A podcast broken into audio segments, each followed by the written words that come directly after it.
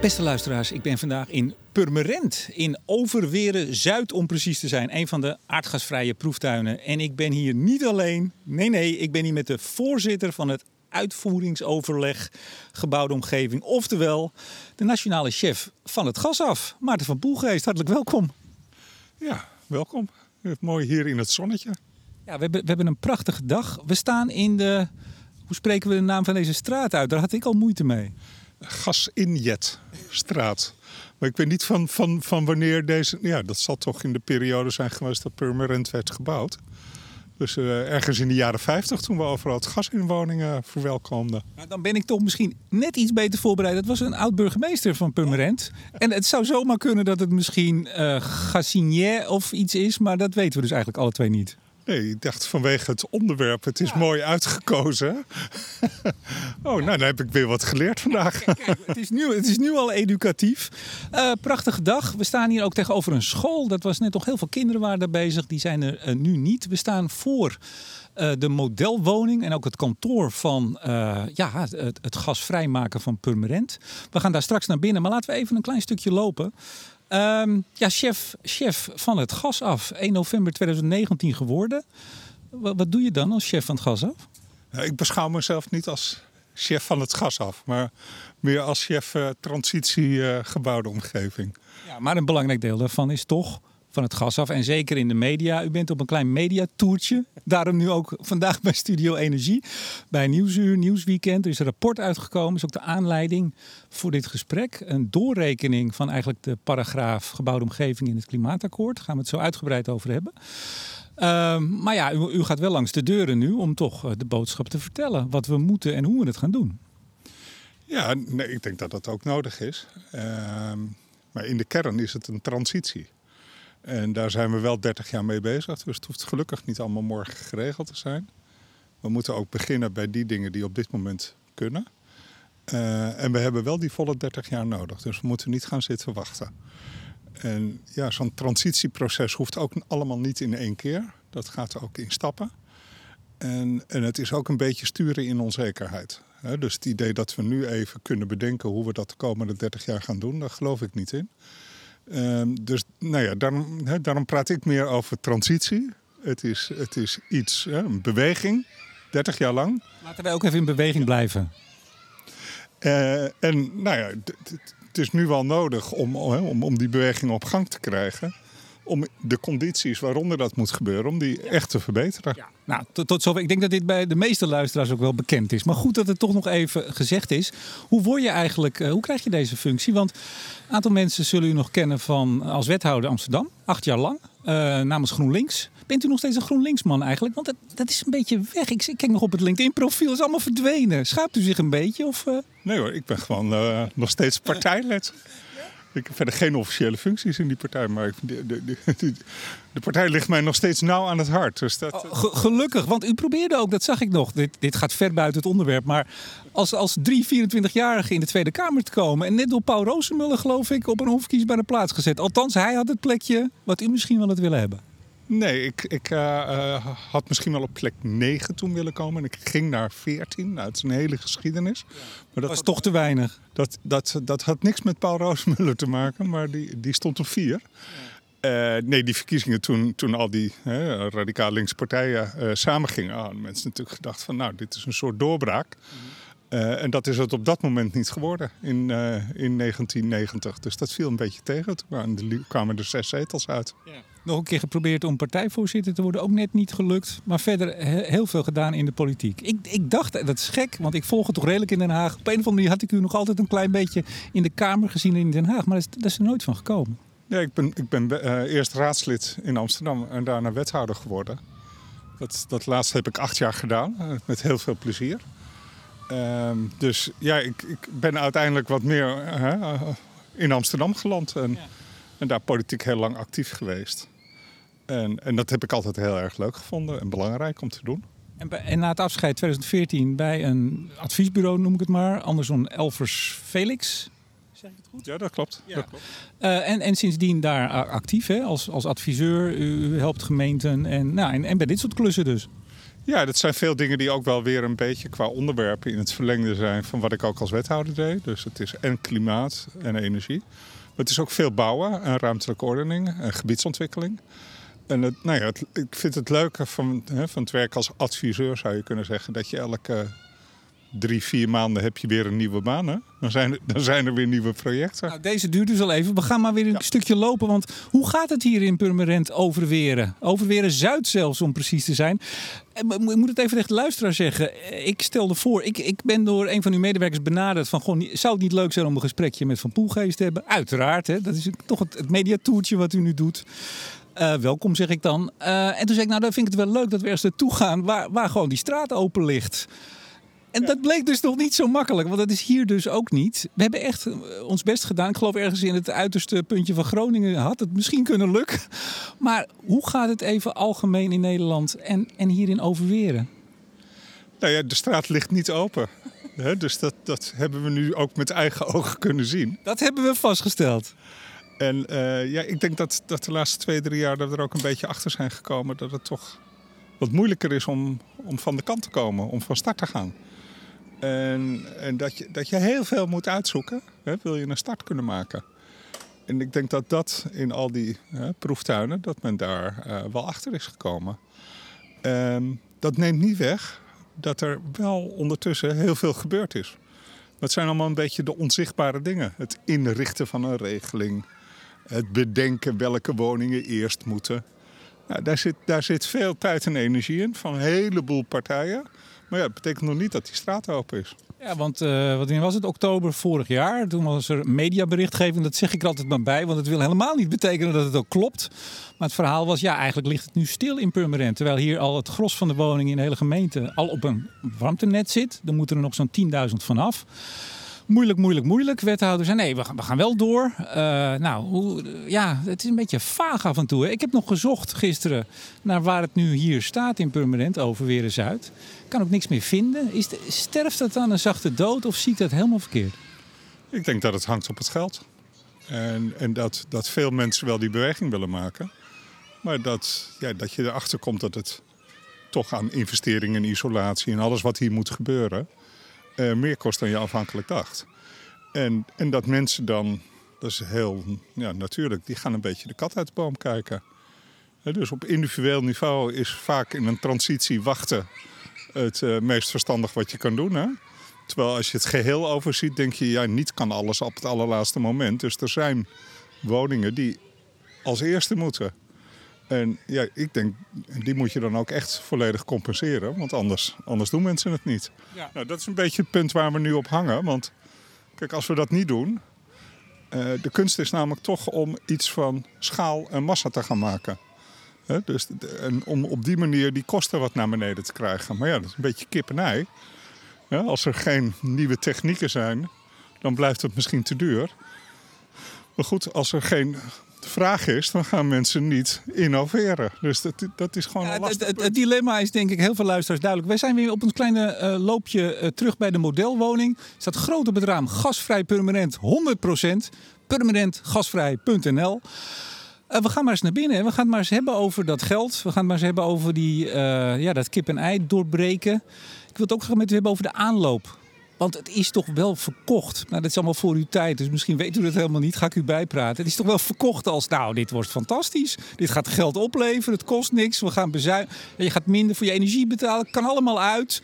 Zo zijn we begonnen. We staan nu ergens anders. De doorrekening kwam in juli van Ecoris. U gaat vertellen uh, hoeveel miljard daarvoor nodig is. Ik zeg maar, ik zeg maar vast het bedrag. Heel veel miljarden zelfs. Kom, we gaan naar binnen. Oké. Ja, we zijn binnen, meneer Van Poelgeest. Nou, dit is nou... Ja, de modelwoning is ook een beetje een bouwketen, hè? Nou, ja. Het wordt hier wel gewerkt. Er hangt een kaart. Er zijn hier dingen aan de wand. Er worden schema's gemaakt. Dus we kunnen in ieder geval constateren dat het project niet stil ligt. Er zijn mensen die hier rondlopen, die met iets bezig zijn. Nou ja, er lopen dus geen mensen rond. Er zit één iemand boven. Ja, zit boven. en er hangen fluoriserende hesjes. Nou, dat is ook altijd goed. Er hangen... Uh, uh, wel heel erg vergeelde knipsels, dat moet ik wel zeggen. Er is al een tijdje wat minder geschreven over deze wijk. Ja, maar op dit moment gebeurt er dus niks. Maar dat hebben we net buiten al vastgesteld. Maar dat, dat, dat, laten we nu gaan, want het is ook heel makkelijk. Hè? Dat hebben we ook wel gezien uh, in de mediaberichtgeving met name. Volkskrant had geloof ik begin dit jaar nog een groot stuk. Maar 200 woningen van het gas afgehaald in die twee jaar. Uh, het zouden er 50.000 moeten zijn. Komen we zo vast nog wel op hoe dat nou precies zit. Maar het is ook vrij makkelijk hè? Om te zeggen het wordt niks en het is niks. Nee, dat, dat is aan de ene kant waar. Aan de andere kant denk ik dat misschien aan het begin ook iets te makkelijk is gesuggereerd dat het allemaal niet zo moeilijk zou zijn en dat we heel snel tempo gaan maken. Terwijl ik denk, men had op dat moment ook wel kunnen vermoeden dat het een hele complexe operatie is, waarbij het echt wel even tijd kost om, uh, om op gang te komen. Kunt u toch iets dichter bij de microfoon gaan zitten? We, we hadden het er net even over, maar het is toch beter zo, iets... Zo, ja, zo gaat het goed? Dit, dit is heel goed. Ja, want u werd uh, 1 november 2019, ja, hoe heet dat, benoemd, denk ik dan, tot uh, ja, voorzitter. Het is, een, het is een ministeriële benoeming, zoals dat formeel heet. Ja, en dan ben ik altijd zo plat en zeg, krijgt u er ook voor betaald? Of is dit liefdewerk oud papier? Je krijgt er een beetje voor betaald, maar niet zo heel veel. Ja, maar u bent partner bij het adviesbureau, dus dat, dat kan wel. Ja, maar je moet, je moet ook wel uh, gewoon werken. Hoeveel, hoeveel, hoeveel, dagen in de week kost dit eigenlijk? Nou, het kost me veel meer tijd dan ik afhankelijk had gedacht. Ik vind het ook heel leuk en ik vind het ook belangrijk om te doen. Ik denk dat ik er gemiddeld wel twee dagen per week in, uh, in heb zitten. Hm. En u begon dus in november 2019. Dan neem ik aan dat u de, in ieder geval de passage over de gebouwde omgeving in het klimaatakkoord even gaat lezen. Misschien wel het hele klimaatakkoord, weet ik niet. Dan bent u een van de weinigen in Nederland. ik kan niet uh, met mijn hand op mijn hart zeggen dat ik het hele akkoord van, van A tot Z helemaal precies en de bijlages allemaal heb gelezen. Ja, dat heb ik wel gedaan. En dan zeg ik altijd, daarom zie ik er ook zo slecht uit. Daar ben ik heel wat ouder van geworden. dus verschrikkelijk. Maar met name ook de tekstgebouwde omgeving vond ik heel verschrikkelijk. Maar daar gaat het nu niet om. U las dat. En wat dacht u? Nou, het was natuurlijk niet voor het eerst uh, uh, dat ik ermee te maken kreeg. Hè. Ik, ik was daarvoor in het werk ook al bezig met gebouwde omgeving en, en, en deze transitie, maar dan op, op andere manieren. Um, kijk, ik heb van begin af aan uh, gedacht, er leiden meerdere wegen naar Rome. En er is een beeld ontstaan rond het akkoord, want als je echt naar de tekst zelf kijkt, dan worden die meerdere wegen ook wel beschreven. Uh, maar er is een beeld ontstaan dat we met het akkoord heel Nederland, uh, wijk voor wijk, uh, van het gas zouden gaan halen. En dat eigenlijk het enige issue wat nog over was, de volgorde waarin we dat dan zouden doen. Ja. Dat, dat beeld is heel sterk ontstaan. Maar dat stond er ook, meneer Verpoelgeest? Het was niet ja, alleen een er beeld. stond ook dat mensen natuurlijk verleid zouden worden om ook individueel, hè, misschien daarop vooruitlopend, al dingen te doen dus ja, je kan die tekst in die zin dan hè, op verschillende manieren uh, lezen. Maar wij zijn het eens hè, dat het beeld over dat je dit allemaal ergens aan een centrale tafel keurig kan plannen. En dat, je, hè, dat het een machine is die uitgerold wordt waarbij wijk voor wijk uh, woningen van het gas afgaan. En dan de alternatieve uh, warmtebron ook allemaal keurig geregeld is. Uh, dat dat beeld in ieder geval ontstaan is. Maar, maar, laten we dan nog even één stapje teruggaan. Het was het regeerakkoord, oktober 2017, van uh, Rutte 3. Um, 30 tot 50.000 woningen. Ik pak het even bij de tekst, want het zit hem hier ook precies weer in de woorden. Ja. Um, dat was de ambitie, het doel. Uh, 30 tot 5.000 bestaande woningen per jaar gasvrij kunnen maken of in ieder geval zodanig energie-efficiënt te maken dat ze op korte termijn gasloos gemaakt kunnen worden. Nou, uh, dat is een duidelijk uitonderhandelde tekst, hè? Zeker. Dat, dat, dat, dat lezen we er nu al in. Ja, maar is het gelukt? Dit is niet gelukt. Want waar, waar staan we op? Ik, ik, heb niet het meest actuele getal, maar uh, veel lager. Misschien een paar honderd. Dat zou heel goed kunnen. De, de laatste getallen, dat was, uh, de Volkskrant had uh, volgens mij begin dit jaar een inventarisatie, die kwamen tot 200. Ik zag nog in de, de uh, proeftuinen, hoe heet het ook weer, PAW? Ja, anderen zeggen dat het weer wat hoger is. 600 kwam het ministerie mee in die in die Dat, dat zou allemaal kunnen, maar, maar, maar het is in het licht van hè, de getallen die u net voorleest. Een tikje mager. Absoluut. En kijk, ik, ben, ik heb zelf ook al in het begin gezegd... voor het begin ben ik ook minder geïnteresseerd in die precieze aantallen. Ja, sterker nog, want uh, als we even het sprongetje maken naar het uh, klimaatakkoord... dat is eigenlijk de uitwerking van deze ambitie. Daar stond, die kwam in 2019 uit, anderhalf jaar later. Daar stond, uh, in 2030 zouden er anderhalf miljoen woningen uh, gasloos gemaakt moeten worden. Nou, dat stond er ook niet helemaal op die manier. Verduurzaamd staat er volgens mij uit mijn hoofd, maar dat is alweer. Hè? En ik weet wel welke doorrekening zeg maar, hierachter ligt. Hè? Omdat ja, PBL die werd gevraagd om natuurlijk uit te rekenen of we het uh, CO2-doel in 2030 zouden gaan halen. En nou ja, dan, moet, dan moet je een soort input geven over wat er dan verondersteld wordt, wat er gebeurt in, in tien jaar tijd. Nou, die anderhalf miljoen woningen, daarvan uh, was het idee dat zo'n de helft grofweg woningen waren die op een warmtenet zouden komen. En inderdaad dus helemaal gasloos zouden zijn. En dat van de andere helft, daar weer de helft van uh, all electric zou worden. Waarbij ook misschien nog wel een stukje nieuwbouw erin zou zitten. En uh, nog weer hè, dat laatste, nou, het laatste kwart dat hybride zou worden. Waarbij er dus nog steeds gas in de woning zit. Nou, dat is eigenlijk als input gebruikt voor dat rekenmodel. Nou is dit, hè, dit is natuurlijk allemaal, ja, je moet altijd als je doorrekent veronderstellingen maken.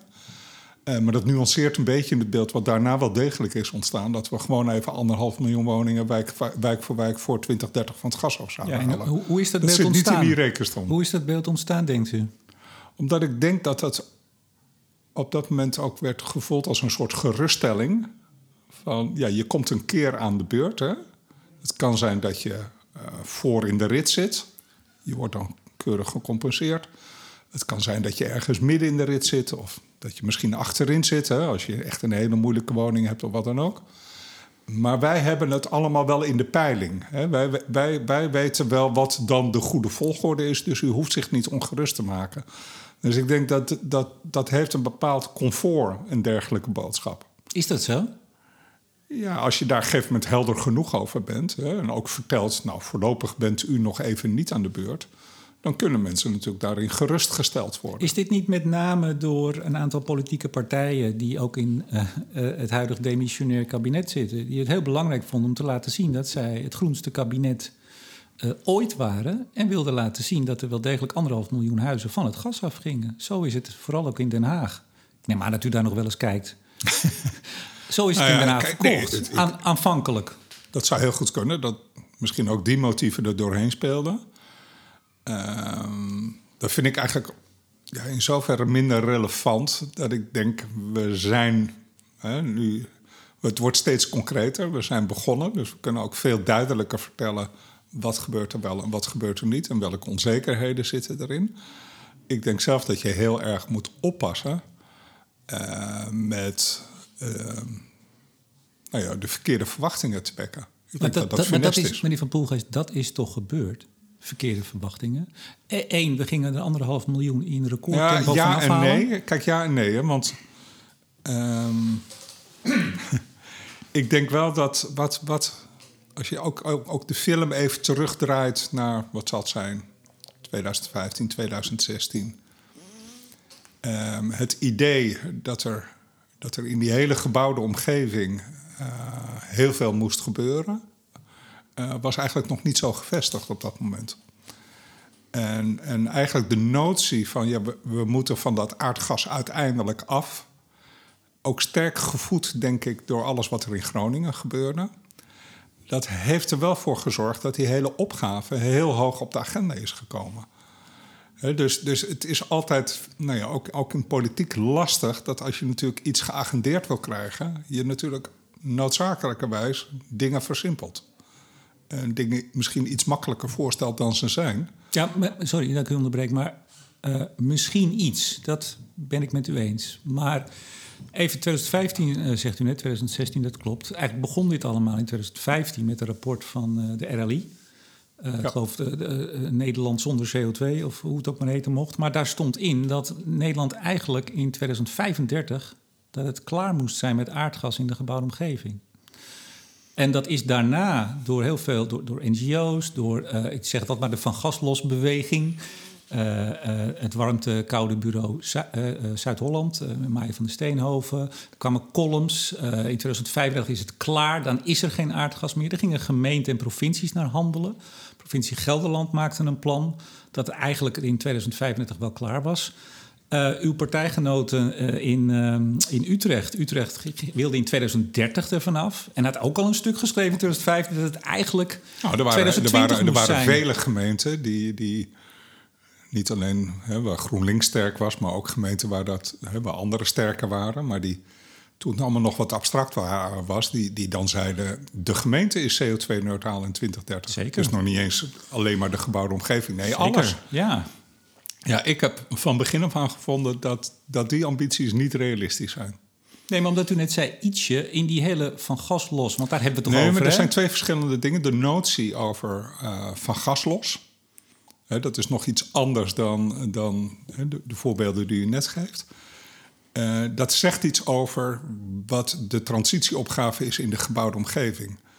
Dus we zijn natuurlijk allemaal met het idee een beetje grootgebracht dat het gas bijna gratis was en oneindig. En dat het een, prachtig, nou ja, een prachtige energiedrager is om onze woningen te vormen. Dat is het natuurlijk ook jarenlang geweest. Maar het idee dat ook deze bron eindig is en dat die hè, allemaal CO2 en noem maar op.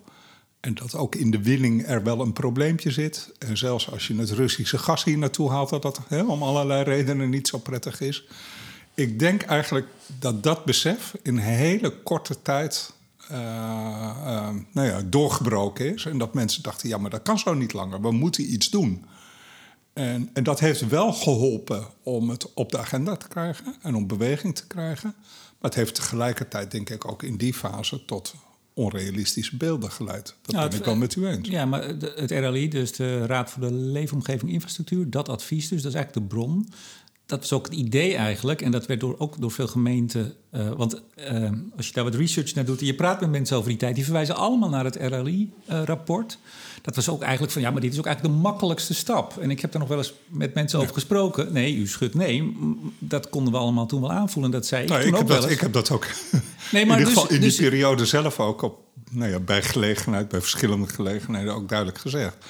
Kijk, ik denk, nee, maar wacht even, even ik denk dat, het de moeilijkste is. Ja, nou, daar ben ik met u eens. Dat zijn wij dan eens. Maar dat was in die tijd dus niet zo. En ook als je alle verslagen erover leest. We hadden toen in 2016 de Nationale Klimaattop in de Van in Rotterdam. Daar ging, uh, uh, dat was toen nog een VVD en, en eh, PvdA-kabinet.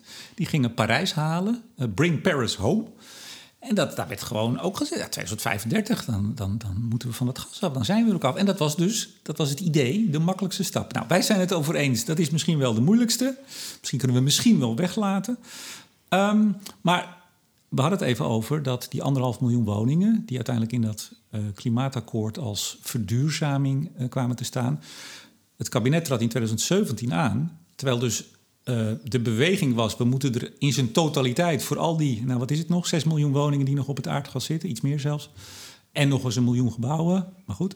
Um, dat moest eigenlijk in 2035, maar de krantartikelen in 2030, 2050 is klaar. NRC, weg met de gasvlam. In 13 jaar is het zover geen gas meer in Nederland in de huishoudens. Dus het kabinet kon niet aankomen met ja, anderhalf miljoen uh, verduurzaam. Het staat er, maar het werd verkocht als van het gas af. Zijn we dat eens? Nou, over deze hele reconstructie, maar anders praten we daar allemaal veel te lang over door. Oh, we hebben alle tijd. Ik ga u uren, uren hier over, uh, ja, over deze gaan... geschiedschrijving. Uh. Nee, maar het is, wel, het is wel van belang, want u trad aan en um, u las dat. Even los van verduurzamen van gas los, u las dat dus wat genuanceerder. Maar hoe dat moest gaan gebeuren, in die, wat was het, 27 pagina's in het klimaatakkoord. Wat vond u daarvan? Nou, ik vond het uh, heel volledig. want ook, ook in deze transitie moet je heel veel dingen tegelijk doen. En ik vond dat dat, dat, dat akkoord zeg maar, dat goed in de smiezen had. dus als je echt naar het akkoord kijkt, er is niet één gouden sleutel. dus het hele beeld, en wat waarschijnlijk ook actief daarover gecommuniceerd is, is een andere. Maar als je gewoon echt naar het akkoord kijkt, dan zitten er heel veel verschillende aanpakken in heel veel verschillende dingen die je moet doen. Um, en ik vond op een bepaalde manier, uh, het was ook wel goed doorgedacht. Dus ook het idee over een standaard die er moet komen. Ja, dat, dat, is, dat is natuurlijk een beetje wat meer voor de fijnproever. Uh, maar als je er wat dieper over nadenkt, kijk, uiteindelijk, al die installateurs, die komen bij mensen thuis omdat er iets vervangen moet worden of omdat er, nou ja, noem maar op. Uh, dat zijn natuurlijk heel veel verschillende mensen. die, die, die moeten natuurlijk een, een beetje hetzelfde verhaal vertellen. Nou, dat, dat heb je ook niet van vandaag op morgen geregeld. Dus ja, hele stoffige, bijna bureaucratische dingen. Dat er iets van een standaard met allemaal technische details over wat dat is. Dat dat ontwikkeld, bedacht wordt, uitgerekend wordt, geprobeerd wordt. Ook dat staat in het akkoord. En zo zijn er wel meer dingen, hè, dus waarvan ik dacht op dat moment, nou, het, het, wat er allemaal moet gebeuren is goed in kaart gebracht. Um, ik weet wel, dat was een ander moment. Hè, dat gaat dan wat meer over de optelsom of over het veronderstelde effect of nou ja, waar we uit zouden komen. En dat, dat was die hele grote rekensom van PBL. En ja, die hadden met bandbreedtes gerekend. Hè? Dus die had, want er zit natuurlijk een hele grote onzekerheid in, in elke berekening uh, die je maakt. En die hadden dat ondervangen. Hè? Dat is een benadering door een bandbreedte aan te houden. Maar goed, als je onzekerheid op onzekerheid stapelt, wordt die bandbreedte alleen maar groter. Nou, dus uiteindelijk was de bandbreedte uit mijn hoofd dat het akkoord maximaal 3,8 megaton zou opleveren en minimaal 1,2. Ik doe en, en het moest 3,4 worden. En dus werd er gelukzalig gezegd: Nou, die 3,4 die zit in het doelbereik. En toen ze mij dus voor het eerst die grafiek op die manier liet, lieten zien, toen zei ik bijna blind: Nou, over twee jaar zitten we buiten het doelbereik. En want naarmate je natuurlijk meer weet, gaat zo'n bandbreedte zich sluiten. Hè? Gewoon theoretisch. En het is echt niet zo dat dan alleen maar de onderkant omhoog gaat. Ook de bovenkant gaat in zo'n proces naar beneden. Dus ik, toen ik die grafiek zag, dacht ik, nou, dat duurt nog twee of drie jaar. En dan zit die 3,4 buiten het bereik.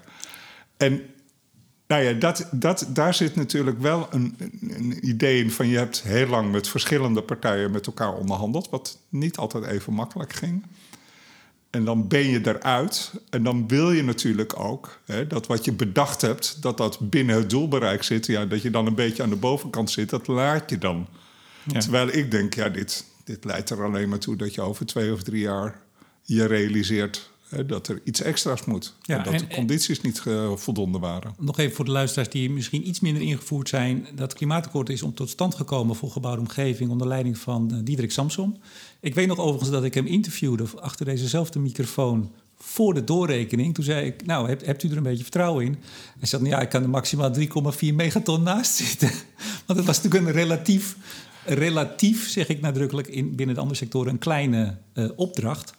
Maar uh, even toch, want ik, ik heb die, um, die passage of die, die paragraaf voor gebouwde omgeving uh, goed gelezen toen en uh, nog een keer. En ik dacht, maar de vraag is aan u, u, u bent acht jaar wethouder geweest. U loopt nu alweer een aantal jaar mee. En toen alweer dus vijf jaar bij een adviesbureau waarbij u in allerlei keukens kijkt. u weet dus ook iets van uitvoering als wethouder. Dacht u, even los van standaard ontwikkelen, ja, er moet heel veel gebeuren, dat is helder.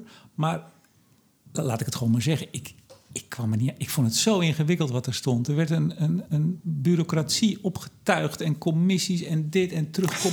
Nee, maar echt. We hebben dat nog met uh, huidig uh, Kamerlid uh, Henry Bontebal... hebben we ons daar de haren over uit het hoofd getrokken voor deze microfoons. Van, wat is dit? Hoe, hoe kan dit ooit gaan vliegen? Dacht u, want u hebt ervaring, wij niet...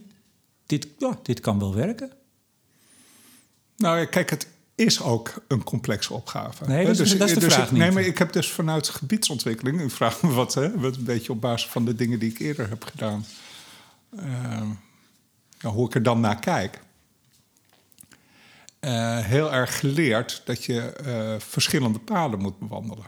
En dat dingen um, onzeker zijn. Hè? Dus als je de Zuidas wil ontwikkelen... ik was verantwoordelijk als wethouder voor de Zuidas... en er moet een heleboel infrastructuur onder de grond...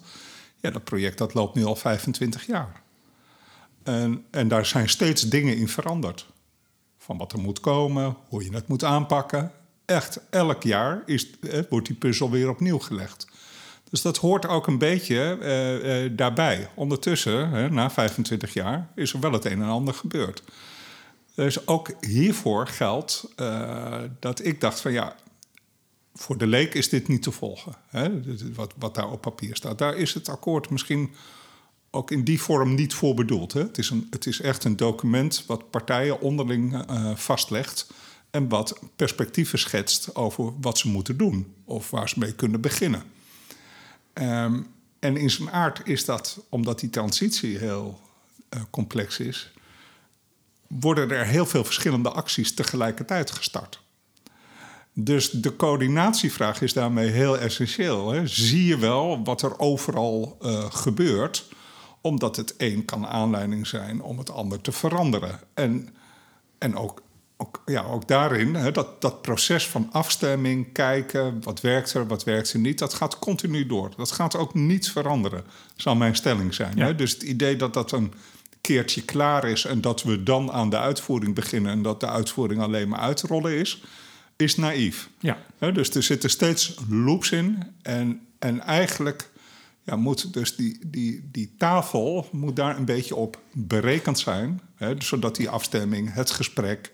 En dat klinkt allemaal wat abstract hoor, dat realiseer ik me. Maar dat is wat er eigenlijk op die landelijke tafel moet gebeuren. Ja, maar, maar, maar de uitvoering zit overigens echt op andere plekken. Hè. De illusie ook dat je een uitvoeringsorganisatie landelijk kan, op te, uh, uh, kan, kan installeren, dat geloof ik ook niet. Het zijn installateurs, het zijn netbeheerders, het zijn gemeenten. Dat zijn, dat zijn veel meer de clubs die. Maar goed, u bent voorzitter van het uitvoeringsoverleg. Doen. U bent voorzitter van het uitvoeringsoverleg. Dus, ja, dus mijn, taak, mijn taak is, ligt veel meer in het scheppen van die condities. Zorgen dat die ambitie, uh, dat, die, dat die afstemming plaatsvindt. Signaleren als er knelpunten zijn in gang zetten. op het moment dat er ergens een oplossing voor moet worden eh, bedacht. Dus dat, dat een beetje dat improviseren, dat is wat er aan die tafel gebeurt. Overigens, ik heb even op, op de site van het bureau waar u nu werkt en waar u dus partner bent, daar staat uh, Maartens Credo.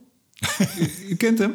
Hoop ik. Dat is ik credo. denk dat ik hem zelf geschreven heb. Ja, gesteld voor een puzzel, een ingewikkeld probleem, altijd proberen een oplossing te vinden. Ja. Toen dacht ik, nou, dan ligt de lat ook niet heel hoog. Want het, het alternatief is, dan laat maar zitten. Als het ingewikkeld wordt, dan ben ik weg. Nee, maar wat, ik een beetje mee, mee, wat ik ermee bedoel is dat... Kijk, ik, ik, ik vind het ook leuk om puzzels op te lossen. Hè? Dus er zit ook een soort... Nee, maar een soort intellectuele fascinatie. En als iets complex is en ingewikkeld, van hoe gaan we dat dan aanpakken? en niet snel opgeven. Is dit niet een beetje een open deur? Ik bedoel, ik ken uw staat van dienst en u, u, bent, u bent een krachtig bestuurder Kijk, dit soort tekstjes op websites hebben altijd... Ik weet niet wat er bij u op die website staat. Helemaal niks. Maar dat... dat oh, helemaal niks. Lost geen problemen op. Heeft alleen een grote mond. Dat is het eigenlijk waar het op neerkomt. Maar, maar, maar, maar toch even, even serieus. Als we bijvoorbeeld kijken naar uh, het terugdringen van de uitstoot in de mobiliteit in Europa... En als we zien dat daar, en we hebben natuurlijk ook met, met ander bronbeleid, als het gaat over energie-efficiëntie van apparaten, wat heel goed werkt in Europa. Je, stelt gewoon een regels en nou, het mag niet boven de zoveel uitkomen. Nu niet boven die 95 gram per kilometer voor nieuw verkochte, hè, gemiddelde. Nou, eh, de luisteraars kennen dit denk ik wel. Ehm, je stelt een norm als je dat nou eens afzet tegenover al die. En ik, ik wil toch luisteraars aanraden om eens een keer uh, het gebouwde omgeving pas deel te lezen in het klimaatakkoord. Waarbij zoveel wordt opgetuigd. waarbij je op een gegeven moment zou kunnen denken: dit is een serieuze vraag. Zijn we in Nederland niet eens te vaak met te veel partijen, te lang over alle zaken aan het overleggen? En iedereen moet zijn plekje krijgen. En er moeten allemaal inderdaad loops in. En dat, dat is Nederland, dat weet ik. En dat heeft ook zijn, zijn voordelen en zijn vruchten afgeworpen. Maar in dit geval, op het moment dat je zegt, nou, uh, we hebben het natuurlijk zo gedaan bij nieuwbouw. Op een gegeven moment in de wet gezegd, uh, nieuwe woningen worden niet meer op het gasnet aangesloten. Uh, hebben we nog even een overgangsperiode natuurlijk, zoals dat gaat, dat is helder. Maar als je zegt, nou ja, als er gasnetten vervangen moeten worden in Nederland, gebeurt dat niet meer door gas. Punt. Zou, zou dat niet, dat hadden we in een half A4'tje kunnen opschrijven. Nee, er komen daarna tig vragen achterweg. Tuurlijk, nee, dat, is helder. En, en daar kan je niet aan voorbij gaan. Dus, dus het goede van ik, vind ik van het akkoord is dat men daarop anticipeert. Um, ik, ik ben helemaal er niet op tegen dat op een gegeven moment genormeerd wordt. Als dat voorspelbaar is en ook binnen een redelijke termijn. Je kan niet verwachten van mensen dat het morgen allemaal even gefixt is. Maar dat zit ook in het klimaatakkoord, die acht jaar. Althans, voorlopig was er acht nou, jaar bij een wijk wel, hè, maar je, kan je ook, als je dingen preciezer maakt... Uh, bijvoorbeeld bij, bij hybrides... Uh, kan je heel goed voorstellen dat op een gegeven moment gezegd wordt... nou, als die HE-ketel stuk gaat... vanaf een bepaald moment is het verplicht om een hybride aan te schaffen... Uh, dat zijn allemaal dingen die, die dan maak je het iets minder groot, hè, maar die, op, die kunnen helpen om dit te kunnen doen. Um, kijk, het lastige is dat het gaat hier om uh, 7,2 miljoen woningen uit mijn hoofd en een miljoen andere gebouwen met heel veel verschillende eigenaren en heel veel verschillende gebruikers. En op het moment dat je het alleen maar via de weg van hè, normeren, voorschrijven en je zegt gewoon nou, iedereen zoekt het maar uit, maar over vijf jaar trekken we overal, uh, draaien we overal de kraan dicht. En we merken het wel, het organiseert zichzelf. Hè? Dat is zeg maar de meest ruwe variant van, uh, van normeren, dan denk ik dat er volksopstand komt en dat, en dat het hele programma kapseist en helemaal niet doorgaat. Ja, ik, ik denk dus, dat... dus, dus, dus het, is, het is ook een, ja, een proces van zachte dwang, heb ik het wel eens, of zachte drang. Hè? Want het is, het is een beetje uh, duwen en trekken. Maar u, u overdrijft het nu een beetje, denk ik. En u begrijpt best dat ik het even wat scherp stelde. Het is ja, maar natuurlijk... dan begrijpt u ook dat Zeker, ik het een beetje overdrijf. Zeker. Het is natuurlijk geen half A4'tje. Maar even het... Nou, la- laten we anders doorgaan. Want dit lag er. En u zegt, nou, als ik u goed hoor... er moest veel geregeld worden. Het, het is voor de leek misschien niet allemaal te snappen... maar wat daar staat is op zich... eh, Het is goed doorgedacht. Ja, precies. Maar, maar ik vond ook wel dat, eh, nou ja, in die Wat- condities, hè, daarvan had ik het van begin af aan dat ik dacht, daar, daar gaat het een keertje scheef lopen. Hè. Dat heeft met die grote rekensom te maken waar we het net over hadden. Ehm, en ik vond zelf ook dat aan de knop normeren en dan niet meteen met hè, grote slagen snel thuis, maar gewoon preciezer. eh, daar heeft men niet aan willen zitten in het akkoord. En, en, en ik denk dat je op sommige punten dat op een gegeven moment wel moet doen. Hè? En, en nou ja, het voorbeeld wat ik net geef van die hybride. ehm, ja, dat is ook waardoor we de katalysator onder de auto hebben gekregen. Dus we moeten Precies. er ook hè, dus Ja. preciezer in worden. Nou, we, dat dwingen, vond, we dwingen zo vaak. ja, maar, maar ook wel voorspelbaar. Hè? Dus Ja. gewoon gezegd, over vijf jaar gaat Maar, dat maar gelden. die, die, kijk, die tijd is er toch. U zei net eh, toen we buiten liepen, hè, je, bedoel, je- we kunnen niet wachten. Hè, het, het is een hele lange operatie. En die, hè, wat ik Nee, maar zei, je moet wel ook een beetje... Kijk, de ene woning kan sneller dan de ander. Zeker. Eh, Dus ook in, als, we, als we gaan normeren... moeten we daar ook rekening mee houden. Ja, maar u zei net- We kunnen, we kunnen, we kunnen niet zomaar iedereen over één kam scheren. Zeker. Dat is, dat is denk ik ook niet verstandig. Nee, maar u zei net, dan ontstaat er, eh, of er komt er een opstand of een volksopstand, zei u. Maar op het moment dat eh, iemand, nou laat ik mezelf nemen, ik krijg een brief en er staat dat over acht jaar er een warmtenet in mijn wijk komt. Want het gasnet is aan vervanging toe en dat gebeurt niet. Over acht jaar komt een warmtenet. Dat, dat is toch prima te doen? Dat, dat, en ik denk dat er helemaal geen dan wil, je, voor dan wil je op dat moment natuurlijk wel weten... En wat, is, wat, wat ga ik dan daar per maand voor betalen? Zeker. Als iemand zegt er komt een warmtenet en het wordt heel duur. Nee, maar dat dat is een heel ander verhaal dan wanneer eh, er zegt er komt een warmtenet en eh, het is ongeveer hetzelfde. Ja, we gaan het zo over de betaalt. centjes hebben. We gaan het Nee, maar dat is meteen de eerste vraag die mensen zich stellen. Dus dat, ik denk, wat gaat het dan kosten? En moet mijn huis dan verbouwd worden? Dat is natuurlijk een Ja. hele legitieme vraag als je zo'n brief op je deurmat krijgt. Nou ja, ik denk dus dat je op het moment dat je die brief verstuurt... Die wordt niet in Nederland voor iedereen op hetzelfde moment verstuurd... maar als jij woont in een wijk waarvan het reëel is om te veronderstellen... dat die binnen acht jaar van het gas af kan vanaf het eerste moment eh, dat daar met jou over gepraat wordt, hè, eh, moet er. Of het moet zo zijn van we gaan samen nadenken hoe we dit gaan oplossen, want dat betekent voor u het een en ander. En we willen dat u daar actief in meedenkt en we geven u de volgende garanties. Of er ligt een heel duidelijk aanbod. Je zegt, nou ja, dit gaat gebeuren. Eh, maar als u gebruik maakt van, nou in dit geval dat warmtenet, eh, dan hè, betekent dat in uw huis dit. En eh, qua, qua rekening betekent het dat. Hè. Dus, de- dus je moet wel, je kan niet zomaar die brief naar binnen gooien. Dan, dat, dat, dat is denk ik echt Ik onverstandig. denk, ik, denk, ik denk zelf dat heel veel mensen hem niet eens lezen en die denken over acht jaar, dat zien we dan wel weer. Dus dat Dat zo weet ik niet urgentie. helemaal. Dat is wel de ervaring in deze wijken. Dat, daar zijn ze wel eh, ook met mensen langs de deur gegaan. En op het moment dat iemand zei van ja, op termijn moet u uw woning van het gas af. En wil ik, wil ik het even met u over hebben. Dan zwaaide de deur open. Mensen die dachten, oh jee. Dus de, bedoel, er was misschien 5% die de deur dicht deed. Maar echt veruit, de, de meeste mensen in deze wijk zeiden... nou ja, kom maar binnen, vertel het dan.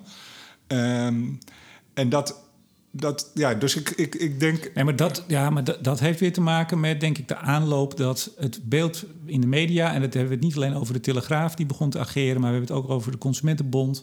En we hebben het over Vereniging Eigen Huis.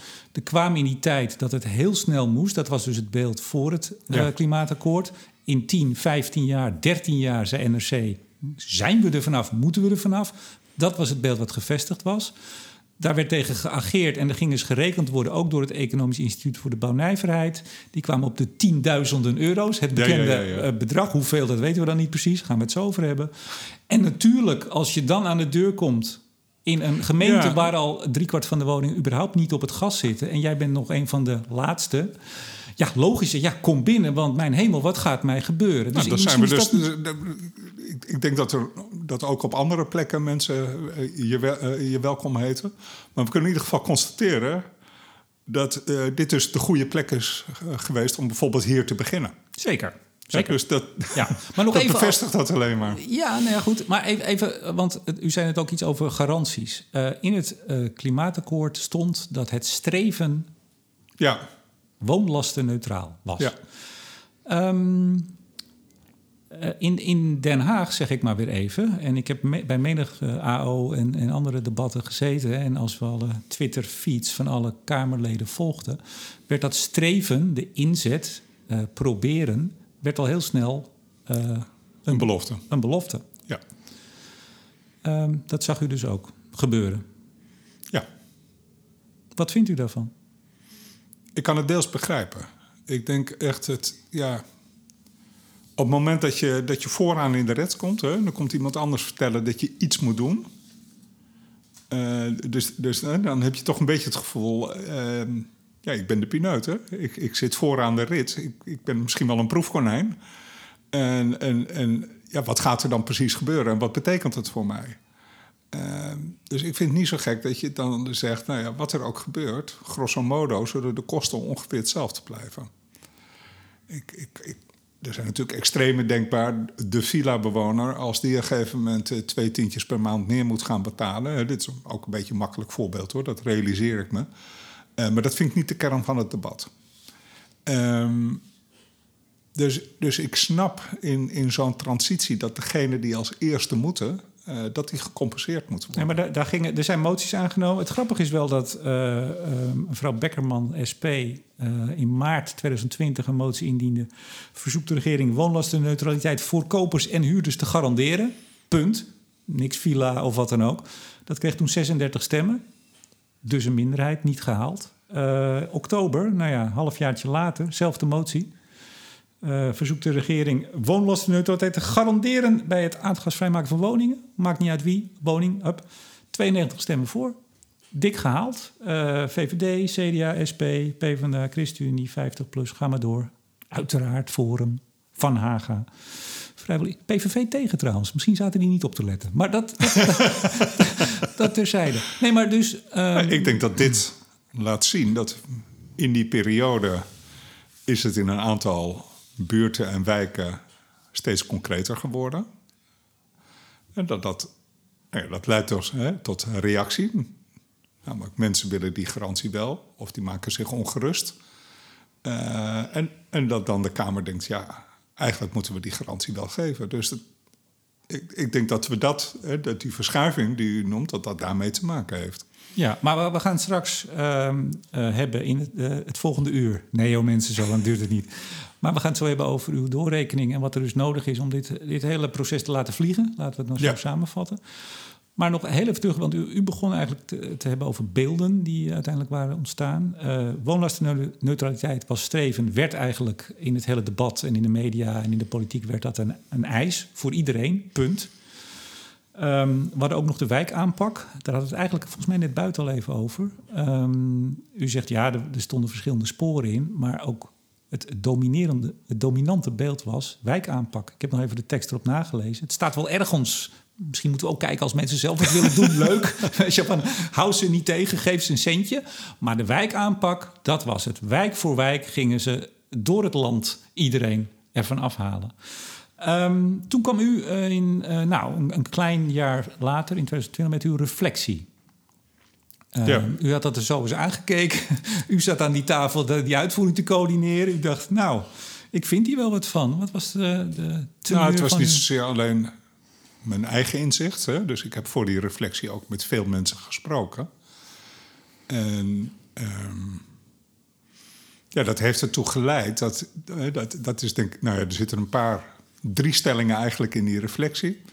Dat dus naast dat wijkspoor ook dat individuele spoor, dat daar veel meer aan moet worden gedaan.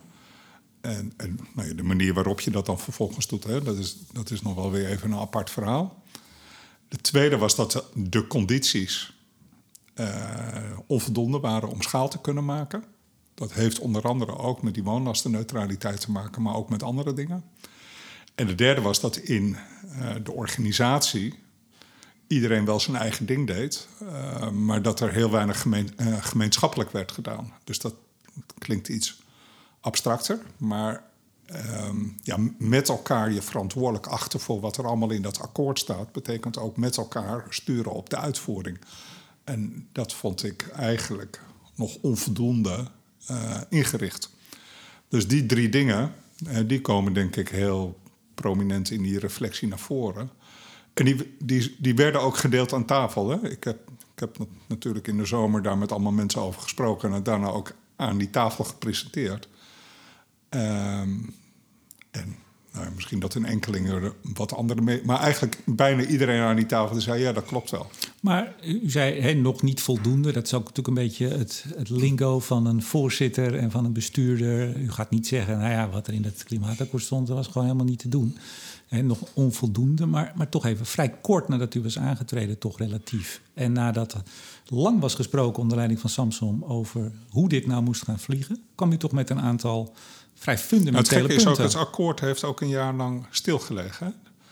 Dus het, ergens in, nou, wat zal het zijn, 2018 of zo waren de partijen aan tafel klaar. En toen is het, heeft dat nog een jaar geduurd voordat het kabinet uh, uh, daar een besluit over heeft genomen. Dus uh, ja, daar zat ook een gat in. Hè? Dus het was ook een beetje dat we, toen ik eraan begon, dat we de draad weer opnieuw oppakten. Maar inderdaad, u, u, u, zei het al, hè? u zei ook neem nou minder extreme maatregelen. Oftewel eigenlijk het beeld van voor het klimaatakkoord. We moeten snel, hè? dat is nogmaals niet, door de, niet aanvankelijk niet door de politiek, maar wel zeker door NGO's en anderen gevestigd. Het moet heel snel, dus extreem, wijk voor wijk, hup, we gaan het doen. Een soort, soort, soort hoe heet dat, sprinkhanen die zo over het land uitzwermen. U zei minder extreem. Hè? Uh, u zei zelfs ook wijken van het gas af is geen doel op zich.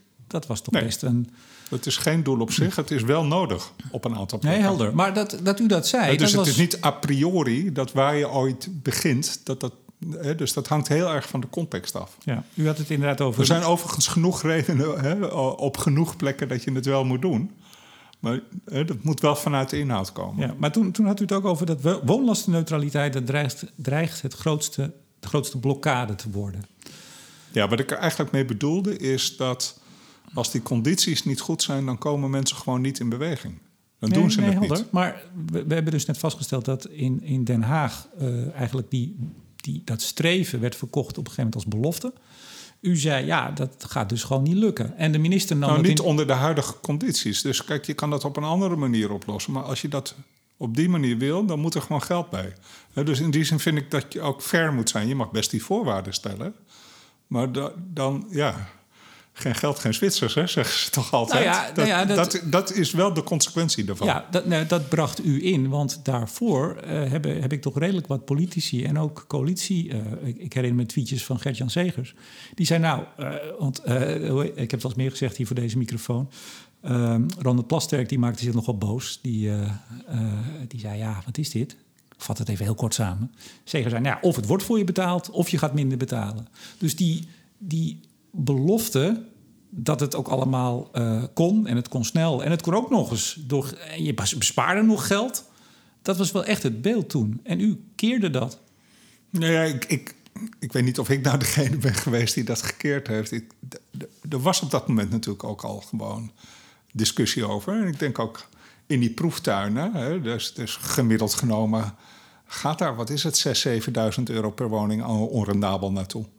Dus, dus, dus ja, het besef dat, dat, dat wat er nodig is tot 2030 uh, dat dat onder de huidige condities zou kunnen, is in die periode gegroeid. Maar even, laten we nou even vaststellen, dat is misschien het makkelijkst voor luisteraars die nog niet zijn afgehaakt, dat het beeld wat geschetst is door de politiek, we gaan als een dolle uh, voor het klimaat en voor Groningen van het gas af in Nederland, dat kan.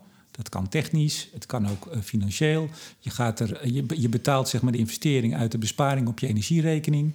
Ik heb het, ik heb het Samsung ook meermaals zien en horen zeggen. Uh, het, het is profijtelijk. Nee maar, nee, maar kunnen we nou even... Voor, voor een deel van de woningen... Mag ik het even afmaken? Ja, dat is goed. Kunnen we dan nou vaststellen dat dat het beeld was wat gevestigd was? Dat is nog voordat u aantrad? Nou, de, ja, maar, misschien gaan we hier nu echt te lang over door. Want ik zie dat iets genuanceerder. Dus u mag dat vinden, maar ik, mijn, beeld is, mijn, mijn, beeld is iets anders. En anders blijven we daar de hele tijd over heen en weer praten. Kijk, ik denk uh, dat, dat voor een aantal woningen uh, geldt dat nu ook al. Alleen dat zijn er veel minder dan afhankelijk gedacht. Dus als je naar die schaal wil die nodig is om in 2030 ook dat doel te bereiken, dan zal er, dan zal er ook geld bij moeten. Niet alleen, maar dan zal er ook geld bij moeten. Dus dat is mijn stelling. En ik, ja, we kunnen heel lang doorpraten over hoe het wel of niet gekomen is. Maar nou ja, eigenlijk vind ik het, uh, uh, zou ik liever vooruitkijken van wat moeten we vanaf nu doen. Nou, dat gaan we ook doen. maar het is, nou, wat me een beetje opvalt, en u, u, mag, u mag natuurlijk vinden dat we hier te lang over doorgaan, maar dit is, dit is uh, cruciaal in uh, het hele van gas los vanaf 2015 tot nu en de komende jaren. Maar ik ben het met u eens dat te makkelijk gesuggereerd is dat het, uh, dat het ja, nou ja, dat, dat je dat snel en, en, en alleen maar wijkgericht uh, voor elkaar kan krijgen. Ja, Daar het, ben ik het mee eens. U had het zelf net over een, uh, dan zou er een opstand komen. Uh, even toch, die reflectie van u, daar kwam laat, ja. kort erop minister Ollongren kwam met haar kijk daarop en dat sloot volgens mij heel goed aan. En vanaf dat moment, PBL had het toen al een paar maanden eerder geloof ik geschreven in een rapport, het moest niet zozeer gaan over die woonlastenneutraliteit, want dat kan je ook nog op allerlei verschillende manieren definiëren. Het moest gaan over betaalbaarheid. Dus we verschoven ja. in die tijd, in zo najaar 2020, verschoof langzaam het debat, of nou, misschien niet het debat, maar je zag het in de, in de rapporten, je zag het in uw reflectie, je zag het in de brieven van minister Longren. We moesten het niet meer hebben over het woonlastenneutraal, wat door politiek Den Haag als een eis eigenlijk was neergelegd, maar betaalbaarheid. Dan komen we bij die villa. Als die uh, eigenaren 20, twee tientjes per maand meer betalen, nou, zwaar. Dus dat is, bent u dan met me eens? Laten we kijken of we elkaar nog vinden. Dat er een verschuiving heeft plaatsgevonden van ongeveer najaar 2020. Nee, ik heb, ik heb zelf die notie wel ingebracht dat het betaalbaar moet zijn. Dat dat per individu echt wisselt. Als jij een minimuminkomen hebt, hè, dan, dan, dan, ja, eh, dan zit betaalbaarheid echt anders in elkaar voor iemand die een ton verdient. Dus, dus ik vind ook dat je, nou ja, dat je daar ook een beetje naar moet kijken. Overigens is het in het akkoord voor die huurders het allemaal keurig geregeld. Hè? Er ligt een huurakkoord, noem maar op. Hè? Dus die garantie bestond al. Dat leidt wel tot een rekening bij de corporaties. Ja. Want dat, dat, en ik denk dat de corporaties dat terecht zeggen. Nou, de vraag is hoeveel kunnen ze daar zelf van betalen en hoeveel zou daar toch nog uh, algemeen geld. Hè? Dus weer een apart debat. Um, bij het segment koop um, vind ik het meest ongrijpbare element. Uh, en dat dat op korte termijn speelt dat minder, maar op langere termijn gaat dat een rol spelen. Als jouw huis verduurzaamd is, doet dat ook iets met de waarde van je huis. Eigenlijk komt ja, dat aspect van energie nog, vind ik, te weinig tot uitdrukking in de waardering van woningen. die woningmarkt die, nou, om allerlei andere redenen uh, gek geworden, zullen we maar zeggen. Het gaat over hele andere dingen. Maar ja, ik vind eigenlijk een huis met een slecht label, daar zit een gebrek in. En dat gebrek moet een keer hersteld worden. En dat betekent dus ook dat die woning eigenlijk minder waard is. Nou, dit aspect, dit is denk ik het moeilijkste. Want als jij gaat investeren, dan wordt je woning ook meer waard. En dan groeit je vermogen. Ja, in welke mate moet je daar dan voor die investering gecompenseerd worden? Dit, is, dit is denk ik een van de ingewikkeldste uh, puzzels. Ja, uh, minister Longen kwam ook onlangs volgens mij met een aparte brief erover. Hè? Betaalbaarheid. Uh, ik ben even de titel kwijt, maar het gaat nu steeds meer over betaalbaarheid van die transitie. Betaalbaarheid. En ik denk als je in Nederland zegt dat bredere schouders zwaardere lasten dragen, dat iedereen zegt, ja, kan ik me wel iets bij voorstellen. Um, Ik probeer het nog één keer, toch? nee, nee, nee, niet hetzelfde. Ehm, maar waarom denkt u dat een, een hele logische redenering, namelijk we gaan uh, van dat gas af. Ik denk dat heel veel mensen het daar ook wel mee eens zijn als, als principe. Zeker als ze tijd krijgen, als er wat subsidie is, et cetera dat we dat allemaal ook in de portemonnee gaan merken. Uh, dat uiteindelijk die brede schouders iets meer uh, van de last kunnen dragen. Dat je het moet hebben inderdaad over de aantrekkelijkheid, de waarde van je woning. Ik mag graag in België komen. Je kan daar niet bij de makelaar kijken of er staan energielabels. Ja. En daar doen ze veel meer aan de bewustwording. Dat de ene woning beter of slechter scoort dan de andere. Nou, dat zal je ongetwijfeld uh, in de prijs terug gaan zien.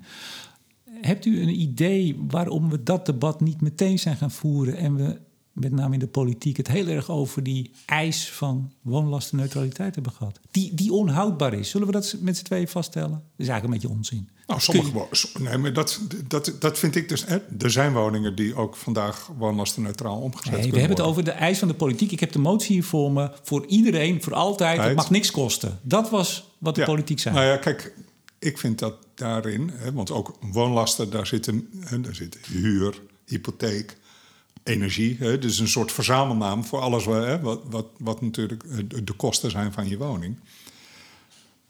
We zullen eraan moeten wennen dat energie een schaars product is. En dat energie dus nou ja, ten opzichte van vroeger uh, duurder gaat worden. We zijn gewoon verwend met goedkoop gas in de jaren 50, 60. Um, dus dat zal betekenen binnen die mix van wat het kost om ergens te wonen, dat die energiecomponent groter gaat worden. Nou, dat is denk ik ehm, niet meteen een populaire boodschap. maar het, ja, ik vind dat je daarin niet voor stoppertje moet spelen, omdat het gaat om iets wat schaars is. Dit is een van de redenen waarom we deze energietransitie door moeten. Omdat die fossiele energie strakjes, hè, dat duurt misschien nog wel even, maar strakjes is er, er niet meer. dus dus een, een duurzame energie, ja, die, die is gewoon schaarser het idee dat, hè, dat dat vanzelf wordt opgelost. Ik moet ook nog even zien nou, of dat, dat gaat gebeuren. dus we gaan naar een samenleving toe hè, waarin, waarin het van een goedkoop, een mooi, een makkelijk product een schaars product aan het worden is. Nou, dat is denk ik een boodschap die politici ingewikkeld vinden. Ja, ik, ik wou even tussendoor zeggen dat ik, ik moest even glimlachen. Want, en daar gaan we niet op, op verder wat mij betreft, maar aan het begin van onze uh, nationale transitie, dat heb het al vele jaren geleden, was juist belofte van de eerste voorgangers dat energie wel gratis zou worden. Het zou in overvloed, zouden wij schone energie krijgen. En waarom dan toch in hemelsnaam nog dat vieze fossiel wilden, want het werd uh, in ruime mate beschikbaar en misschien zelfs, waarschijnlijk zelfs gratis. Het is wel aardig dat we dan toch alweer wat Ik verder zijn. Ik zie dat niet zo snel gebeuren. Nee, maar dat is leuk als je nog eens wat terugleest. Hè? Dan weet je hoe ook de opvattingen vroeger waren. We gaan naar uw uh, doorrekening. Althans, u heeft hem gevraagd aan Ecoris, het advies- en onderzoeksbureau. Um, heeft eigenlijk die passage van het klimaatakkoord van uw gebouwomgeving doorgerekend. Even laten we beginnen. Als, uh, wat er, moet, er moet wat gebeuren. Dat is inmiddels wel helder. Maar als dat nou niet zou gebeuren, waar, waar zouden we dan zijn met die anderhalf miljoen woningen in 2030?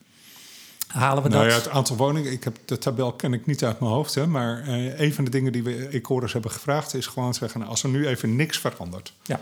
Dus we moeten het onder de huidige condities doen. Uh, hoe ver komen we dan met het doel? Dat was die 3,4 megaton uh, reductie ten ja. opzichte van het basispad. Ik zeg het even voor de luisteraars. Ja. Daar ja. is nog 1 megaton bijgekomen voor de 55% reductie die Europa wil. Daar hebt u ook naar laten kijken, toch? Ja, we, we hebben drie dingen eigenlijk laten uitzoeken. Dus hoe ver uh, kom je als je niks verandert? Nou, dan kom je dus lager uit dan die 3,4. Wat zou er uh, moeten veranderen om wel aan die 3,4 te komen? In theorie, hè, het blijft een modelmatige berekening. En wat zou erbij moeten als je nou, ja. naar 55% wil? En dat hebben we vertaald als 1 megaton extra in de gebouwde omgeving. Ja. Nou, laten we met die eerste beginnen. Um, van die 3,4 megaton waarvoor is getekend in het klimaatakkoord, als er niks zou veranderen, hoeveel zouden we daarvan halen in 2030?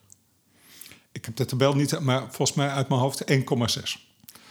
Ehm, het lastige daarvan vind ik dat, dat we ook de. Maar dan wordt het een beetje technisch de overstap moeten dat maken. Dat vinden de luisteraars heerlijk. Ja, oké. om te sturen op restemissie. Dus in die hele oude PBL uh, uh, soms zat ook een soort vooronderstelling dat het basispad als vanzelfsprekend zou komen. Natuurlijk komt dat niet vanzelfsprekend. Hè. Daar moet je ook dingen voor doen. Er zitten ook afspraken in, ja, verplichting label C voor kantoren en dat soort dingen. Dat zit allemaal in dat basispad. En je ziet dus gaandeweg dat je in technische zin onmogelijke discussies krijgt over. Eh, blijft het basispad achter of blijft het extra van het klimaatakkoord achter? Waar hoort deze maatregel bij? Terwijl voor iemand die zijn woning moet verduurzamen, uh, het gewoon, uh, die ziet dat onderscheid niet van ja, ik doe dit vanwege het basispad en ik doe dat vanwege het klimaatakkoord. Dat bestaat ja. niet. Dus, dus nou ja, mijn voorstel is in ieder geval om te zeggen: wat moet nou de restemissie zijn in 2030? Dat, dat is wat 15, we met elkaar. 15,3 dacht ik. Hm? 15,3 dacht ik. Ja, wat moet, dat moeten we met elkaar voor elkaar krijgen. En hoeveel komen we als we niks doen? Nou, dan lopen we uh, volgens mij, uh, uh, nou, ik, dat schrijf ik niet helemaal zo, maar ongeveer 2 megaton te weinig ja. ten opzichte van die 15,3. Um, dus je kan ook, ook, ja, dat is meer aan politici, hè, je kan ook zeggen, nou, that's it. Dan doen we wat minder in de gebouwde omgeving. Dat betekent dat er aan andere tafels meer moet gebeuren. Ja, maar, maar ik wil hem even... He, dus daar gaat, daar, ik, ik zit natuurlijk niet in de rol dat ik die keuzes nee, maak. Nee, dat, dat, is helder. Dus, maar ik probeer, dus, alleen maar, ja. ik probeer alleen maar even te kijken... Heel veel van, van de luisteraars die hebben dit gevolgd. Die hebben de totstandkoming van het uh, klimaatakkoord gevolgd. Die hebben Samson horen zeggen... nou ja, ik kan er maar 3,4 megaton naast zitten... want dat is mijn opdracht. U zegt, als we niks veranderen... met, met allerlei slag om de arm, dat horen we... maar nog niet eens de helft wordt gehaald. Ongeveer de helft ten opzichte van die 3,4. Maar... U zegt twee tekort, dacht ik net. Nee, dus... maar ik nuanceer dat omdat in dat basispad... Okay. zit, zit St geloof ik 5,2 of 5,5. En dat is ook niet van God gegeven dat dat gebeurt. Hè? Dat dat automatisch eruit loopt. Dus ik, ik denk dat je moet zeggen... ja, er lag een soort opgave van nou, 8,5, 9. Um, en we komen tot, nou, wat, wat zal het zijn, 7, 6, nee, 6,5, 7. Hm. Kijk, ook, ook hier hè, wil ik wel dat die doorrekening van Ecorus is ook op basis van heel veel veronderstellingen. Dus ga dat ook niet lezen als de absolute waarheid. Hè? Het is een voorspelling. Een voorspelling naar beste weten, zullen we maar zeggen. Nou, volgens mij komt... U kijkt, u kijkt me heel indringend aan. En dat, dat zal ik zeker doen. Ik denk veel van de luisteraars. Maar het aardige is wel, en dat verwijt ik u zeker niet... dat uh, diezelfde modellen en diezelfde bespiegelingen... Uh, vaak aan de andere kant, vooraan het traject... verkocht worden als wel heel hard. Ja, maar daarom zeg ik dus, het. Nee, maar dat, is, ja. dat weet ik. Dus precies de reden waarom ik het nog even nee, goed. Uh, zeg. Fijn dat we hier zitten ook even. Hè? Dan kunnen we dat nou eindelijk... nee, maar dat... Nou ja, kijk.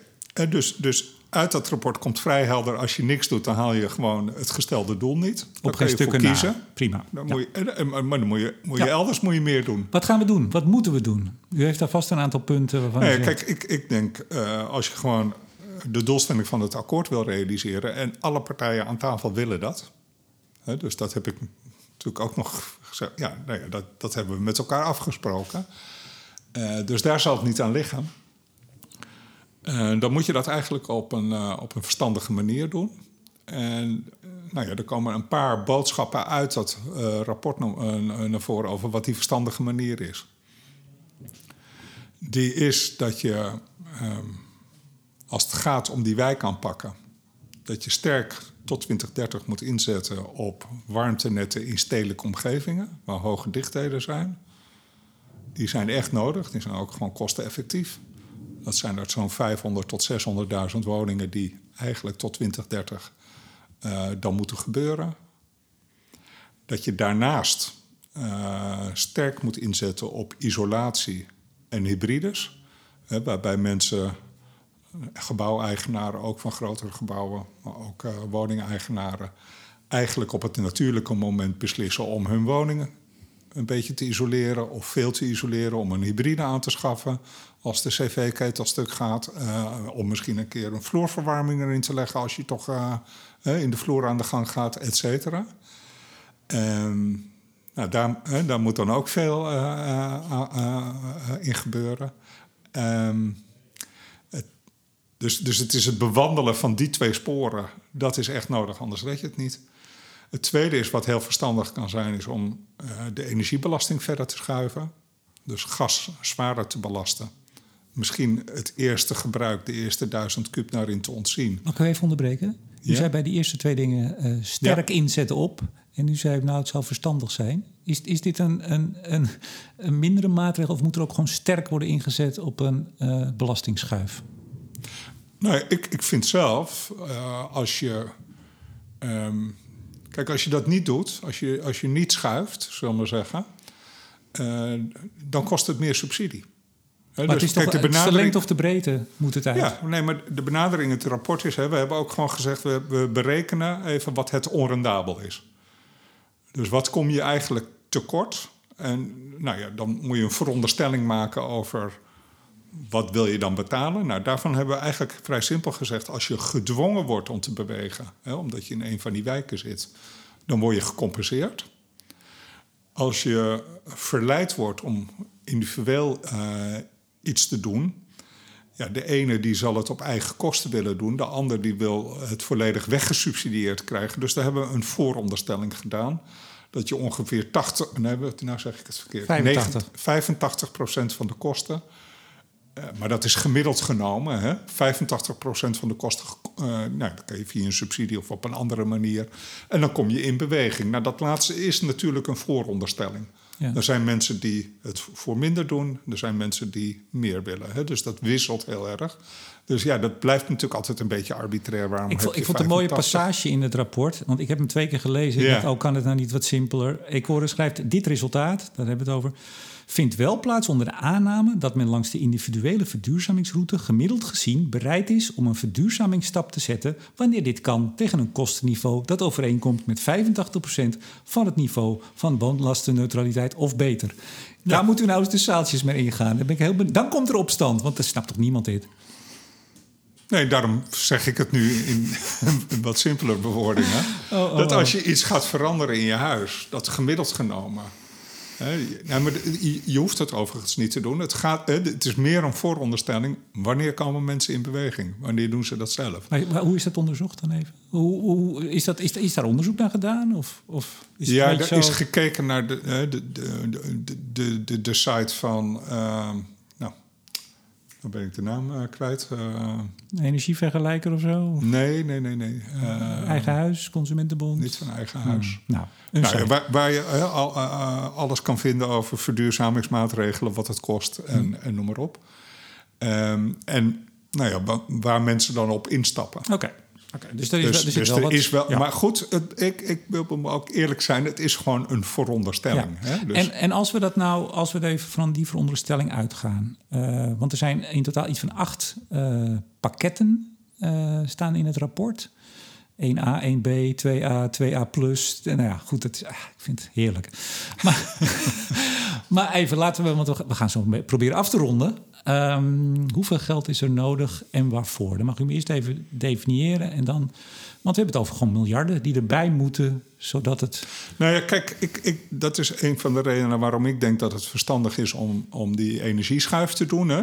Wel op een slimme manier, die eruit bestaat dat je misschien voor de eerste duizend kub eh, ontziet. Hè? Want mensen met lage inkomens die gebruiken echt niet meer dan duizend kub eh, per jaar. Dus je maakt gas duurder, eh, stroom goedkoper. En, ja, en dat gebeurt nu al een Ja, beetje, precies, maar ja, je kan dat nog verder. Hè? Je kan die schuif verder draaien. Nou, dat is ook doorgerekend. Eh, dat zorgt ervoor dat maatregelen natuurlijk eerder uitgaan. Dat is natuurlijk vrij simpel. Ehm, als je dat doet en je zegt, nou, ik wil de doelstellingen van het akkoord halen, dan kom je uit op een nou, ja, jaarlijks bedrag wat er nog bij zou moeten om dat onrendabel eh, dan weg te eh, subsidiëren van tussen de 270 en 330 miljoen. Dat, dat, nou ja, dat is dan. En dat moet je natuurlijk dan wel eh, tien jaar lang doen. Ja, nee, keer 20. En daarna moet je daar ook mee door. Nee, dat klopt. dus het, Nou ja, het totaalbedrag is keer 20, omdat ja en nee. Kijk, dat staat jij- in het rapport. Ja, maar u en ik weten niet over wat er over tien jaar wordt uitgevonden. Maar- dus nee, dat, maar- vind ik, dat, vind ik, dat vind ik ook weer Nee, maar meneer dat- Van Poelgeest, nee, maar dit vind ik... Nou, nou, doet u, vind ik, nou hebt u zo'n lekker eh, eh, reëel verhaal. Ja. En, maar dat doet u een beetje hetzelfde als, als wat we eerder gezien Nee. hebben. Dan, nee, maar kijk, ik, ik, dan zie ik zo'n bericht. Ja, het kost 300 miljoen extra. Dat, dat lees ik dan ook ergens. Ja. Nou, dan ga ik in het rapport lezen. Wat betekent dat nou? Dan lees ik, nou, je moet uitgaan van 20 jaar, want ook na die 10 jaar, et cetera. Dan staat er gewoon 6 miljard. Overigens, voor die andere pakketten vind ik het het hoogste, zeg ik er meteen bij. 15 miljard. eh, 10 miljard ligt er aan alle pakketten. Maar dan heb Ja. je dus over de onrendabele top... die weggesubsidieerd moet worden... Ja. onder conditie van die 85 Dus de- je hebt dan al mensen nodig. Je gaat er dan al vanuit dat 15 al voor uit eigen zak komt aan onrendabele. Dat mensen bereid, gemiddeld genomen... Ja, ja. Kijk, als ze het niet doen, dan doen ze het niet. helder. Hè? Nee, maar het is dus geen verplichting. Nee, maar het is dus niet eh 100 Dus je, je laat al mensen Nee, maar, die 85... maar- ja, maar dat is wel een beetje ook op basis van hoe de ervaringen nu zijn. Hè? Dus je kan het een realistisch of een niet realistisch maar inschatting vinden.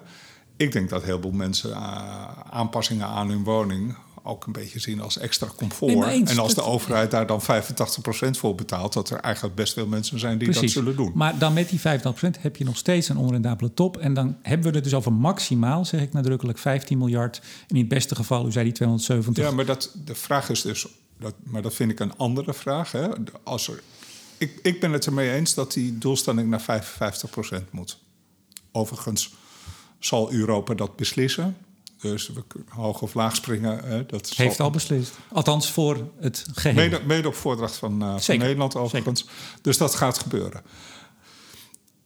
Ik vind in de verdeling over waar leg je dan die extra taakstelling neer... het niet zo verstandig om dat in hoge mate neer te gaan leggen bij de gebouwde omgeving. Hè, We hadden het begin van het gesprek, zeiden we eigenlijk alle twee ook... het is misschien wel eh, in zijn aanpak eh, het moeilijkste van al die tafels om te doen. Dus daar ben ik niet zo voor. Nee, maar u gaat nu... Dus, dat- dus, nee, maar, dus mijn keuze zou het niet zijn om op dat duurste pakket te gaan zitten.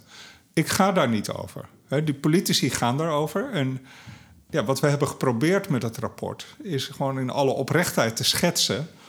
Als je dat wel wil, wat dat gaat kosten, wat dat met zich meebrengt. Nou, Ja. en het is een ander om daar dan uiteindelijk een beslissing over te nemen. Maar, maar, maar voor de go- goede orde, ik zeg er ook steeds bij maximaal. Eh, dat- dat pakket van, nou, zei 270 keer, eh, keer 20, dan hebben we het over 5,4 miljard. Dat is het goedkoopst. Nou, die bandbreedte. Eh, ik begrijp dat u natuurlijk, ja nee, ik begrijp dat u ehm, ehm, ja, daar geen keuze zelf in. Dat kunt u helemaal niet. U bent slechts voorzitter van het uitvoeringsoverleg. Maar het is wel goed, want we hebben ook gezien de afgelopen jaren dat als een van de eerste partijen die met berekeningen kwam wat dit ging kosten aan onrendabel was het EIB. Die hebben daar verschrikkelijk, excuus helemaal over op hun kloten gehad. Als je zag hoe dat in de duurzame beweging was. Dat was toch, en de Telegraaf pakte het op. U, u hebt dat vast allemaal gezien. Er was altijd gedoe over het geld. Die tienduizenden per woning.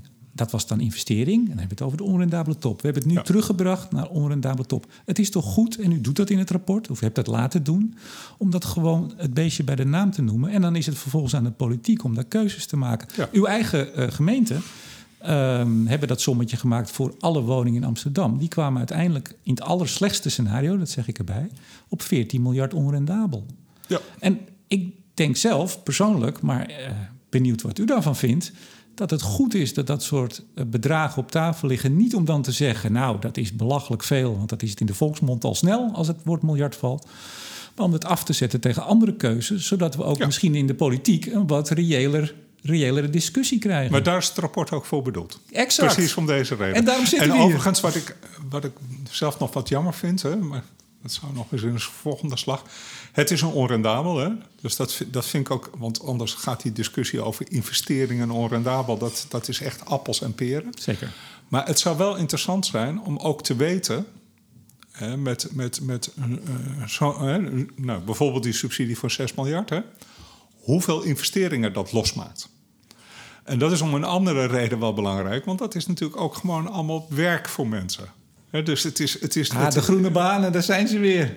Nou ja, maar goed, het is, dat is volgens mij ook een reëel verhaal. Dus hier moet je ook wel realiseren, het kost geld. Het kost ook die 6 miljard. Het is een onrendabel. Ik ga ook niet doen alsof je dat terugverdient. Dat gebeurt niet. Dat brengen we uiteindelijk allemaal via de belastingen met elkaar op.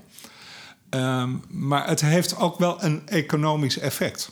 Dat is, dat is ook echt zo. Zeker. Nee, nee, dat En, is... nou ja, eigenlijk zou ik die slag nog wel eens willen maken... om dat ook inzichtelijk te maken. Omdat namelijk in concurrerende claims... en er zijn natuurlijk ook andere dingen ja, die geld kosten en die ook belangrijk zijn.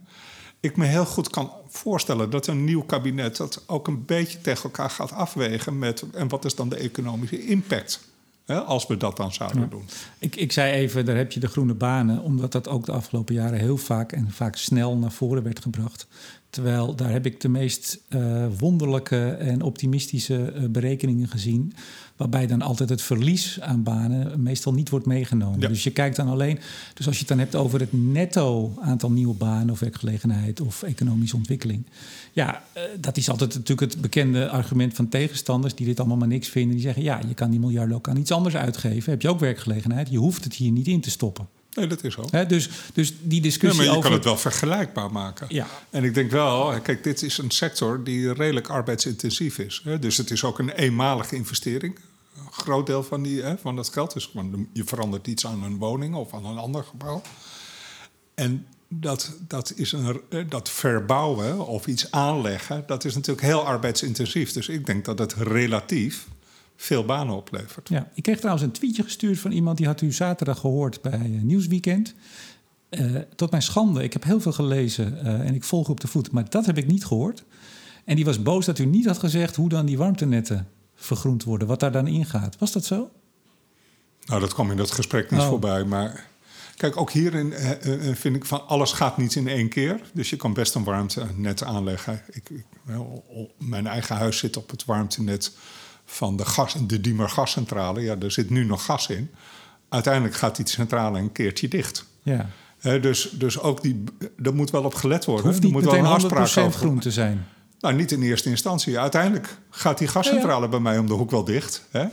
En dan is het prettig dat die infrastructuur er al ligt. Ja, maar, dan, maar, goed, en nu ga ik echt stoppen, want ik wil nog uren met u door. Het, we zitten ook zo lekker, het zonnetje schijnt. Het is, het is hier, uh...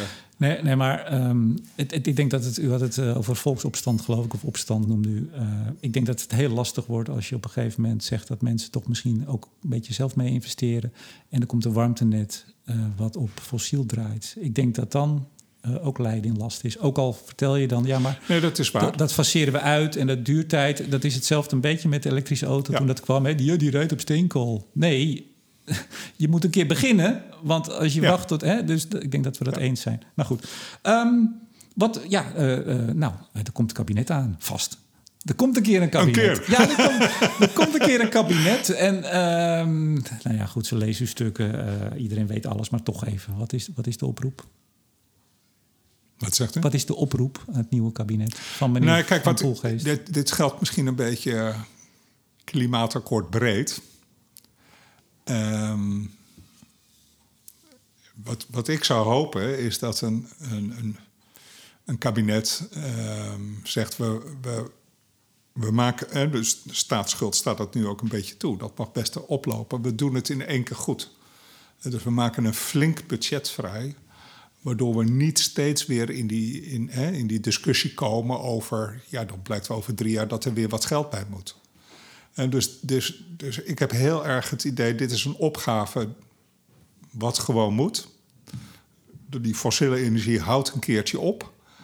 Um, en, en ja, dat hebben we met elkaar te doen. Dus ja, nu, nu er wat meer ruimte is, Um, reserveer loyaal. Pak het wel slim aan. Dat, dan krijgen we daar nog genoeg uh, uh, gesprekken over.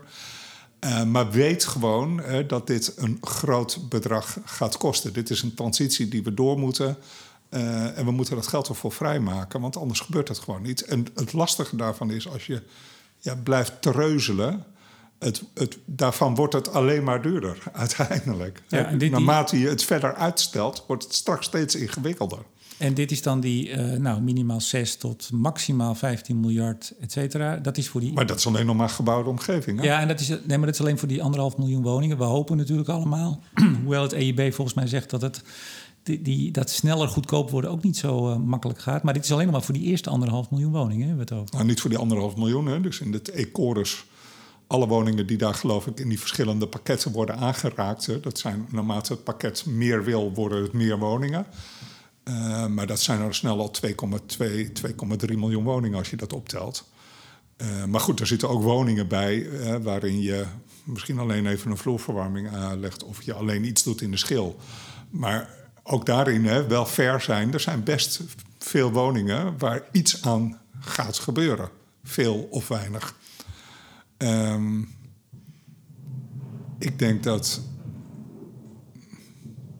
Nou, de vraag was een andere volgens mij, maar goed. Ja. En nou ben ik me. U bent hem vergeten en ik ook. Dan is hij niet belangrijk. Is hij vast niet belangrijk. We zitten ook al veel te lang. Ik wou nog even met u naar buiten lopen. Maar ik denk dat het beste is dat we gewoon nu hier maar afscheid nemen. U Ja. moet vast ook weer door met hele belangrijke zaken doen aan de uitvoeringstafel.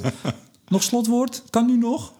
Eh, nee, nee Goed niet in- nou, ik, oh ja, dat wilde, Kijk. Ik, dat wilde ik nog net zeggen. Dus, maar ja, dat, geldt, nee, dat geldt ook een beetje klimaatakkoord breed. Hè? Dus, ik zou het heel goed vinden dat de, er, is nog heel veel energieinfrastructuur die er extra moet komen. Ook voor, voor wat er aan al die andere tafels moet gebeuren.